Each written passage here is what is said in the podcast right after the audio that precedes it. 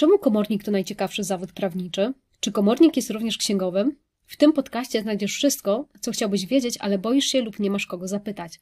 Bez względu na to, czy jesteś prawnikiem czy laikiem, to właściwe miejsce. Otwórz oczy z na oko.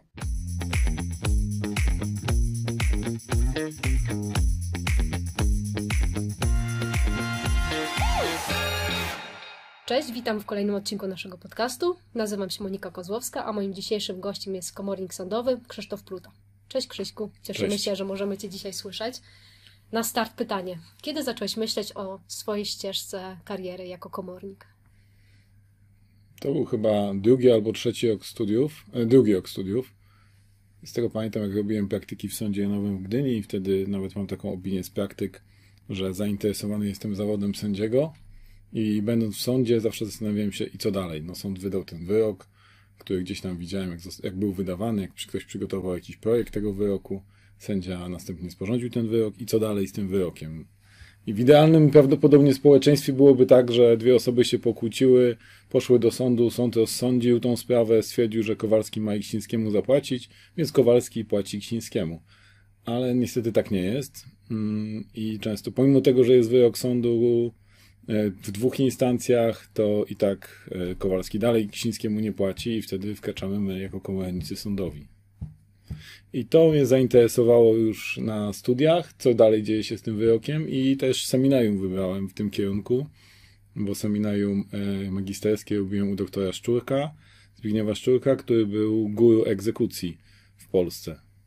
Dobra, to zatrzymajmy się przy Twoich czasach studenckich. E, Do jakich przedmiotów warto się przyłożyć, chcąc iść na aplikację komorniczą? Czyli no, praca komornika jest ściśle związana z prawem cywilnym. Ja prawa karnego nie lubię i nie jestem dobry z prawa karnego. Nawet e, dziekan umożliwił mi powtórzenie go dwukrotnie sobie dla utrwalenia na studiach. E, więc nie lubię prawa karnego, jestem cywilistą, więc e, no, prze, przede wszystkim procedura cywilna, e, a także później to, co w pracy się przydaje, to prawo cywilne, prawo handlowe, to są te obszary, e, w których my się poruszamy. Więc procedura cywilna, prawo cywilne, no a potem reszta wyjdzie już w trakcie nauki zawodu. Okej. e, Pamiętam jeszcze ze swoich czasów studenckich, e, jak w trakcie jednych z pierwszych wykładów prowadzący zapytał się, kto chciałby zostać z komornikiem, to jedna osoba podniosła rękę. Dlaczego tak jest? Nie wiem, moim zdaniem to jest zawód, który jest niedoceniany. Znaczy, prawdopodobnie wszyscy idąc na studia oglądają salę rozpraw, mm, czy filmy, teraz prawdopodobnie Suits i inne seriale, widzą tą, ten, tą potyczkę pomiędzy prawnikami e, na sali rozpraw, e, a de facto mm, nikt nie myśli o tym, to co już powiedziałem wcześniej, co się dzieje później. A zawód komornika sądowego jest moim zdaniem najciekawszym zawodem prawniczym. E, I jestem w stanie obronić to e, tutaj podczas tego podcastu moje twierdzenie, bo prawdopodobnie każdy tutaj z siedzących przedstawicieli zawodów prawniczych powie, że jego zawód jest najciekawszy, chociaż nie wiem, co powie notariusz. No ale nie Na razie, ujmując... na razie prokurator mówi, że jego zawód jest najciekawszy. Okej, e, ale moim zdaniem zawód, prawdopodobnie zawód prokuratora jest ciekawy, mm, ale jak ktoś nie jest karnistą, a jest cywilistą, to wydaje mi się, że zawód komornika jest bardzo ciekawy i można bardzo fajnie odnaleźć się w tym zawodzie. No to musisz faktycznie to udowodnić, bo wczoraj prawo.pl podsumowało wyniki tegorocznych egzaminów na aplikację e, i do egzaminu na aplikację komorniczą przystąpiło 140 osób. A w kontrze tutaj mamy aplikację adwokacką, do której przystąpiło ponad 2000 osób.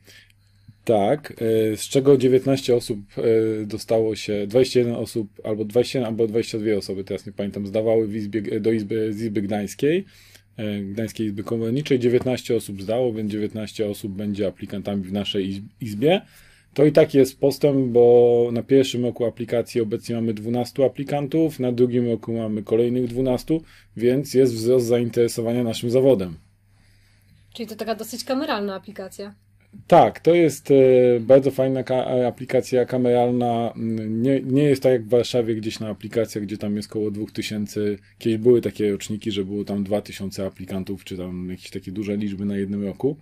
E, To jest bardzo fajna mm, kameralna aplikacja ze względu może na ten zawód. Nas jest jak gdyby, nas jest najmniej wśród tych wszystkich zawodów prawniczych. Tak? Obecnie w Polsce jest około ponad 2200 kancelarii komorniczych, czyli 2200 komorników jest. A to skoro na aplikacji mówisz, że jest 12 osób, możesz powiedzieć, jak wyglądają zajęcia z tak małym gronem osób? Jak wygląda kontakt z prowadzącymi? E, mogę powiedzieć, dlatego że mam tą przyjemność, że jestem członkiem Rady Izby i akurat e, w Radzie Izby wraz z asesorem, który jest wśród. E, Rada Izby składa się z komorników i jednego asesora. E, jest e, Aleksander Nowak, e, asesor, i wspólnie razem tworzymy zespół do spraw aplikacji komorniczej. Jesteśmy odpowiedzialni za przebieg aplikacji komorniczej w naszej izbie. I są to wykłady. Są to wykłady, wykłady teoretyczne. Ramowy program aplikacji jest określony, zatwierdzony przez Ministerstwo Sprawiedliwości. Mm, I są to wykłady dotyczące prawa, ale także e, komornicy, wizytatorzy przeprowadzają e, szkolenia, takie wykłady praktyczne z księgowania, z, e, z obsługi programu, na którym pracujemy, dlatego że nasze księgowanie jest kompletnie innym księgowaniem niż księgowanie, tak jak myślą ludzie o księgowych. Kompletnie inaczej to wygląda. E, a jest to jeden z elementów pracy komornika i na początku każdy startując musi wiedzieć, jak to zaksięgować, a nawet jeżeli ma księgową, to jest musi wiedzieć, sprawdzić, czy ona zrobiła to w sposób prawidłowy, bo my ponosimy odpowiedzialność za prawidłowe rozliczenie spraw i prowadzenie ich osobistą.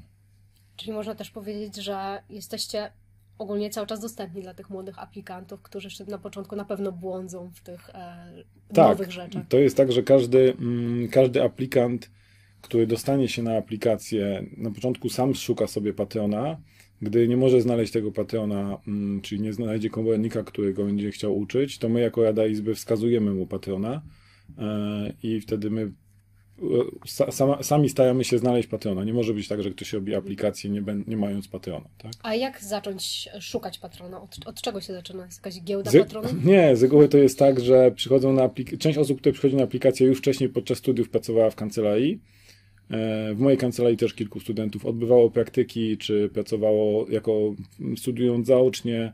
E, miałem kilku studentów, którzy w ciągu tygodnia pracowali u mnie w kancelarii i wyrażali zainteresowanie zawodem. Moja pierwsza aplikantka podczas studiów przyszła na praktyki, bo musiała odbyć obowiązkowe praktyki. Następnie była moim pracownikiem E, pracownikiem, normalnie pracowała na umowę zlecenia, będąc studentem potem na umowę o pracę. Została, zdała, tak się zainteresowała zawodem, że została aplikantką, zdała egzamin na aplikację, była aplikantką, skończyła aplikację i była asesorem. Więc od, od praktyk studenckich do bycia asesorem. Super. A pamiętasz, jak ty podchodziłeś do swojego egzaminu wstępnego? Duży stres to był dla ciebie? E, powiem tak, dla mnie to był żaden stres, ale to były inne czasy, dlatego że jeszcze wtedy nie było egzaminu wstępnego na aplikację komorniczą. To było bardzo dawno temu. E, I wtedy przyjęcie na aplikację komorniczą wyglądało trochę inaczej, dlatego że najpierw trzeba było sobie znaleźć patrona, który deklarował, że zatrudni aplikanta, i następnie Rada Izby wyrażała zgodę na zatrudnienie tego aplikanta. I jak było się w charakterze, miało się promesę, jak gdyby taką można powiedzieć, obietnicę ze strony patrona, że będzie um, kształcił cię jako aplikanta, to wtedy się zaczynało odbywać aplikacje. A teraz jak to wygląda? A teraz trzeba zdać egzamin państwowy na aplikację. Po zdaniu egzaminu państwowego yy, zgłaszasz się do Rady Izby, że zdałeś egzamin państwowy. Mhm. Na aplikację dostałeś się na aplikację i przychodzisz i mówisz, że albo masz patrona, albo żebyśmy my jako Rada Izby znaleźli ci tego patrona. A masz jakieś rady dla osób, które będą podchodziły do egzaminu wstępnego? Wydaje to... mi się, że to, to jest tak jak e, u mnie poprzednia moja aplikantka, miałem też drugiego aplikanta, więc e, po prostu trzeba się przygotować jak do każdego egzaminu. Bardziej starasz się wykuć wszystko na pamięć, czy starasz się zrozumieć i już przekładać to sobie na praktykę, żeby było łatwiej zrozumieć? Tak naprawdę przełożenie tego na, przełożenie tego na praktykę to będzie w czasie aplikacji w czasie aplikacji i w czasie asesury, e, bo wtedy się uczymy zawodu. A tak na początku to niestety będzie to wkucie na pamięć, tak jak do każdego innego e, egzaminu na studiach. A jest coś, co bardzo odróżnia aplikację komorniczą na przykład od adwokackiej? Oprócz tej ilości osób. Nie wiem, nie odbywałem aplikacji adwokackiej, ale tak jak rozmawiałem z kolegami, to wydaje mi się, że nie, że to jest to, jest to samo, tak? Mamy kolokwium w połowie aplikacji. E, po odbyciu, po pierwszym roku aplikacji już e, aplikant e, po ukończeniu pierwszego roku może już dokonywać pewnych czynności w kancelarii, więc e, wydaje mi się, że jest tak samo, wygląda to tak samo, jest trochę krócej, bo jest dwa lata, a nie trzy lata, nasza aplikacja trwa dwa lata, adwokacka, radcowska trwa trzy lata, przy czym u nas po aplikacji jeszcze trzeba odbyć dwa lata asesury, więc de facto są cztery lata kształcenia, a nie trzy. Mówiłeś, że byłeś patronem. E, możesz powiedzieć, jak wygląda ta relacja aplikant-patron? Znaczy ja mam... Mm, ja mam dosyć młody zespół w kancelarii i sam uważam się za jeszcze osobę młodą, więc staramy się mieć bardzo e, pozytywne i takie mm, nie wiem, czy to dobre określenie jest e, kumpelskie relacje, ale jednak zachowujemy, wiemy, że ja jestem, ja jestem jednak szefem, pracodawcą i pomimo tego, że jestem pracodawcą, wydaje mi się, że wyniosłem to trochę z tej firmy, bo mam zapomniałem, zapomniałem tego powiedzieć. Cieszę się w ogóle, Monika, że mnie tutaj zaprosiłaś, bo wróciłem do swojego pierwszego pracodawcy, do siedziby swojego pierwszego pracodawcy. E, to jak tutaj u Was było w firmie, kiedyś przecież pracowaliśmy razem, więc e, te relacje są koleżeńskie, ale dalej wiemy, gdzieś tam w tyle głowy zostaje to, że jednak, jesteś, jednak jest to relacja pracodawca-pracownik e, i tą samą, mm, tą samą mm, zasadę staram się wprowadzić u siebie w kancelarii i tak dobierać sobie zespół ludzi, którzy się potrafią w tym odnaleźć. My możemy oczywiście w kancelarii się śmiać, żartować sobie, mm, jak jesteśmy sami, oczywiście, gdy nie ma interesantów. E, mamy bardzo pozytywną relację, ale gdzieś tam zawsze zostaje w tyle głowy, że jednak to ja jestem pracodawcą, a to jest pracownik, więc musimy tą granicę zachować.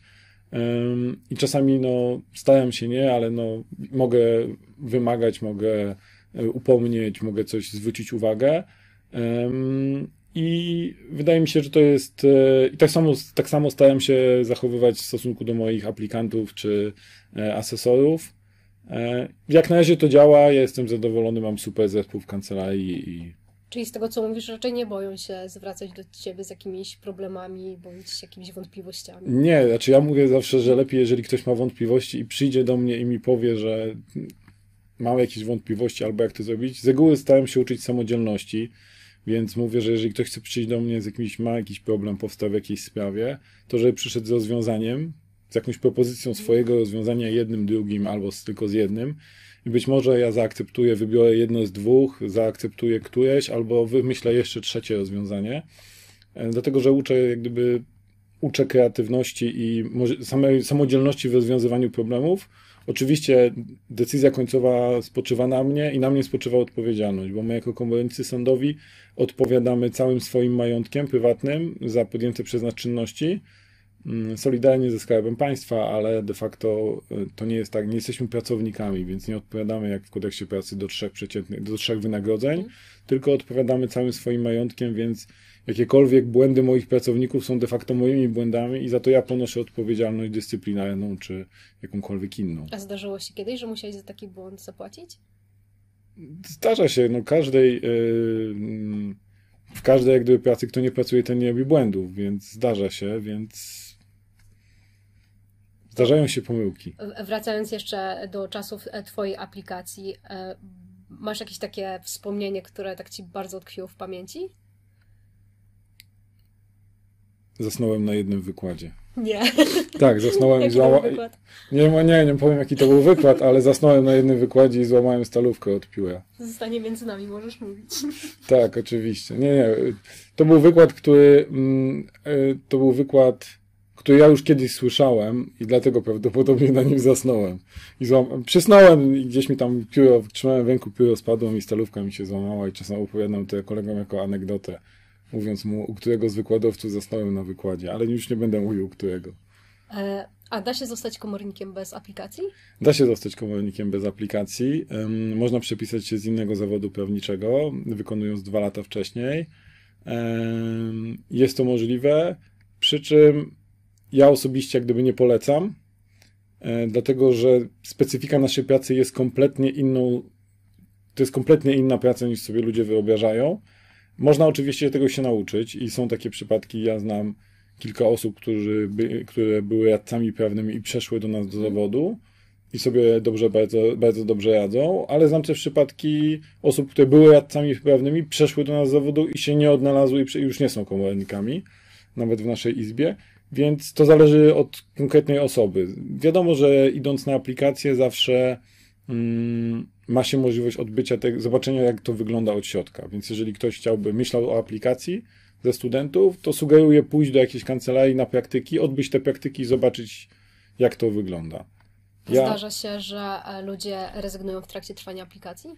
Zdarza się. E, czasami. powody?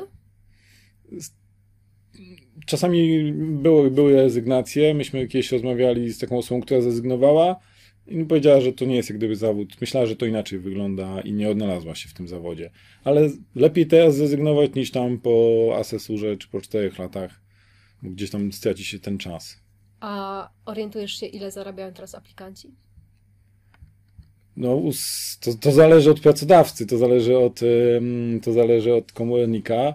Mm, e, wydaje mi się, że to są zarobki.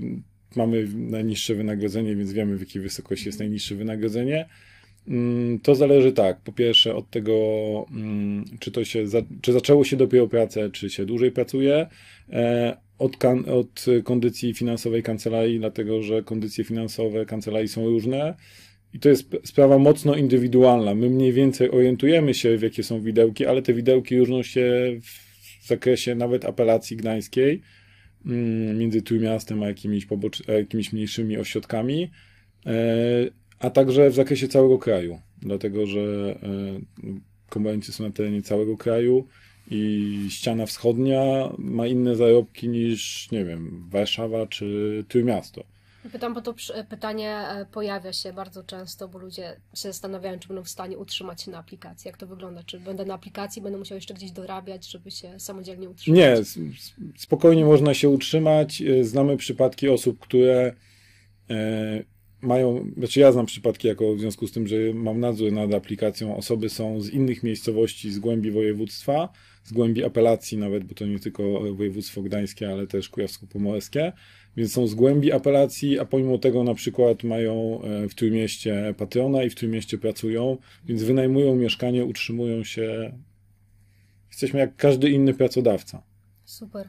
Patrząc na wyniki zdawalności, to raczej młodzi aplikanci są dobrze przygotowani do egzaminu. Tak, no staramy się, żeby byli dobrze przygotowani, dlatego że mm, po pierwsze te osoby pracują u nas w kancelariach, więc pracując u nas w kancelariach są normalnymi pracownikami w tej kancelarii i pracują. Nie znam przypadku, żeby jakiś aplikant pracował gdzieś indziej niż tylko w kancelarii, więc to jest jak gdyby 100% jego e, zaangażowania i czasu pracy jest w, jest w kancelarii. E, dwa, my podczas e, tego szkolenia aplikantów staramy się ich przygotować do tego egzaminu. Teraz właśnie z Olkiem Nowakiem wspomnianym ułożyli, mamy jutro poprawkowy egzamin, poprawkowe kolokwium, prowadzimy poprawkowe kolokwium dla aplikantów i staraliśmy się ułożyć to mm, kolokwium podobnie do egzaminu końcowego, czyli był test wielokrotnego wyboru i była też część opisowa, e, po to, żeby przygotować tych aplikantów, pokazać im, co jeszcze trzeba przez ten rok uzupełnić do egzaminu końcowego, po to, żeby jak najlepiej zdali, bo na tym nam zależy. A y z perspektywy czasu możesz powiedzieć, czy warto od razu po aplikacji pójść na swoje, czy lepiej najpierw w kancelarii popracować? Znaczy, z punktu widzenia aplikacji to jest tak. Po aplikacji e, trzeba, żeby pójść na swoje, idąc tą, tym trybem aplikacji, trzeba odbyć co najmniej dwa lata być asesorem u komornika i dopiero po dwóch latach asesury można otworzyć własną kancelarię. E, I tak naprawdę Ciężko powiedzieć, bo to zależy od osoby. Są, są asesorzy, którzy mm, pracowali po kilka lat w kancelarii, zanim zdecydowali się pójść na swoje. A są też tacy asesorzy, którzy równo po dwóch latach już składają wniosek o powołanie. E, ta mm, otoczenie nasze się bardzo zmienia. Nasze warunki pracy i to otoczenie, w którym pracujemy, jest bardzo dynamiczne. Mm, dużo się zmieniło, jest coraz więcej kancelarii, e, coraz większa konkurencja, chociaż de facto nie jesteśmy dla siebie konkurencją, ale jesteśmy. E, powoduje to, że mm, jest to duże też jako Rada Izby e, opiniujemy kandydatów na komorników i rozmawiamy, przeprowadzamy takie rozmowy z tymi kandydatami i otwarcie kancelarii jest dużym obciążeniem finansowym. To na to trzeba się przygotować.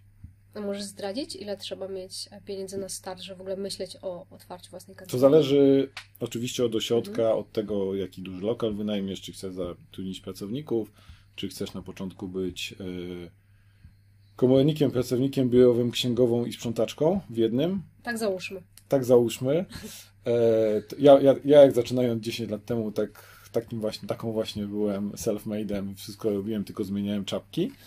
Em, I teraz obecnie to jest około, rząd około 50 tysięcy złotych. To są koszty utrzymania kancelarii. Mm, Takiej większej oczywiście kancelarii, e, takiej zatrudniającej kilka osób, jeżeli chce się zatrudnić. E, A, za- zatrudnia, a zaczynając, e, to jest miesięczny koszt jak gdyby utrzymania kancelarii. I to też zależy od kancelarii, bo e, można mieć kancelarię sześcioosobową, gdzie jest sześć osób, pięć, e, albo jest tylko sam komornik i jeden pracownik. Więc to ciężko powiedzieć, e, ale na sam start no, wydaje mi się, że trzeba mieć około 20-30 tysięcy złotych. Okej, tak rozmawiamy o pieniądzach. Ile zarabia komornik, a ile zarabia asesor? E, To też zależy od, e, to przede wszystkim od czego zależy. Zależy od e, struktury kancelarii, od tego, jakie spra- sprawy wpływają do kancelarii, od tego, jakie są koszty. Dlatego, że my jako komornicy po pierwsze e, wyegzekwowanych opłat egzekucyjnych pobieramy, pobieramy opłatę egzekucyjną, która jest należnością Skarbu Państwa. Od tej, tą należno, od tej od pobranej należności Skarbu Państwa my mamy swoją prowizję. Tak obecnie wygląda system opłat egzekucyjnych w Polsce. Ta, ta prowizja mm, różni się w zależności od tego, ile tych opłat egzekucyjnych pobraliśmy. I tak jak e, funkcjonuje kancelaria, to co miesiąc jak gdyby zaczynamy od zera, można powiedzieć. Czyli co miesiąc, od, co miesiąc zaczynamy od pierwszego, spływają kolejne, e, kolejne opłaty egzekucyjnych, od których my pobieramy mm, tą należność Skarbu Państwa w postaci opłaty egzekucyjnej, a następnie z tego prowizję dla siebie. E, I z tej prowizji utrzymujemy całą kancelarię, czyli e, nie dostajemy od państwa żadnych środków na utrzymanie kancelarii, czyli musimy wynająć lokal, opłacić e, pracowników, opłacić materiały biurowe, serwis informatyczny, mm, bo komputery, światło, prąd i tak dalej, papier, wszystkie materiały biurowe, kawa, herbata dla pracowników, benzyna do samochodu i czy samochodów, jeżeli jest kilka w kancelarii. E, I dopiero jak zbierzemy na te koszty, to wtedy widzimy na tej księdze pieniężnej, bo w naszym programie mamy podgląd na bieżąco, ile wpłynęło danego dnia, ile zostało zaksięgowanych środków, to dopiero widzimy, o, od tego momentu zaczynam zarabiać ja. I to jest różnie. Kiedy ten moment następuje, tak? Czasami następuje on nie, w połowie miesiąca, czasami 20, a czasami w ogóle nie następuje. Zdarzają się takie momenty, że ten moment w ogóle nie następuje, no i wtedy trzeba dołożyć ze swoich. A boisz się takich miesięcy, że nic nie wpłynie i, i, i, i co robić?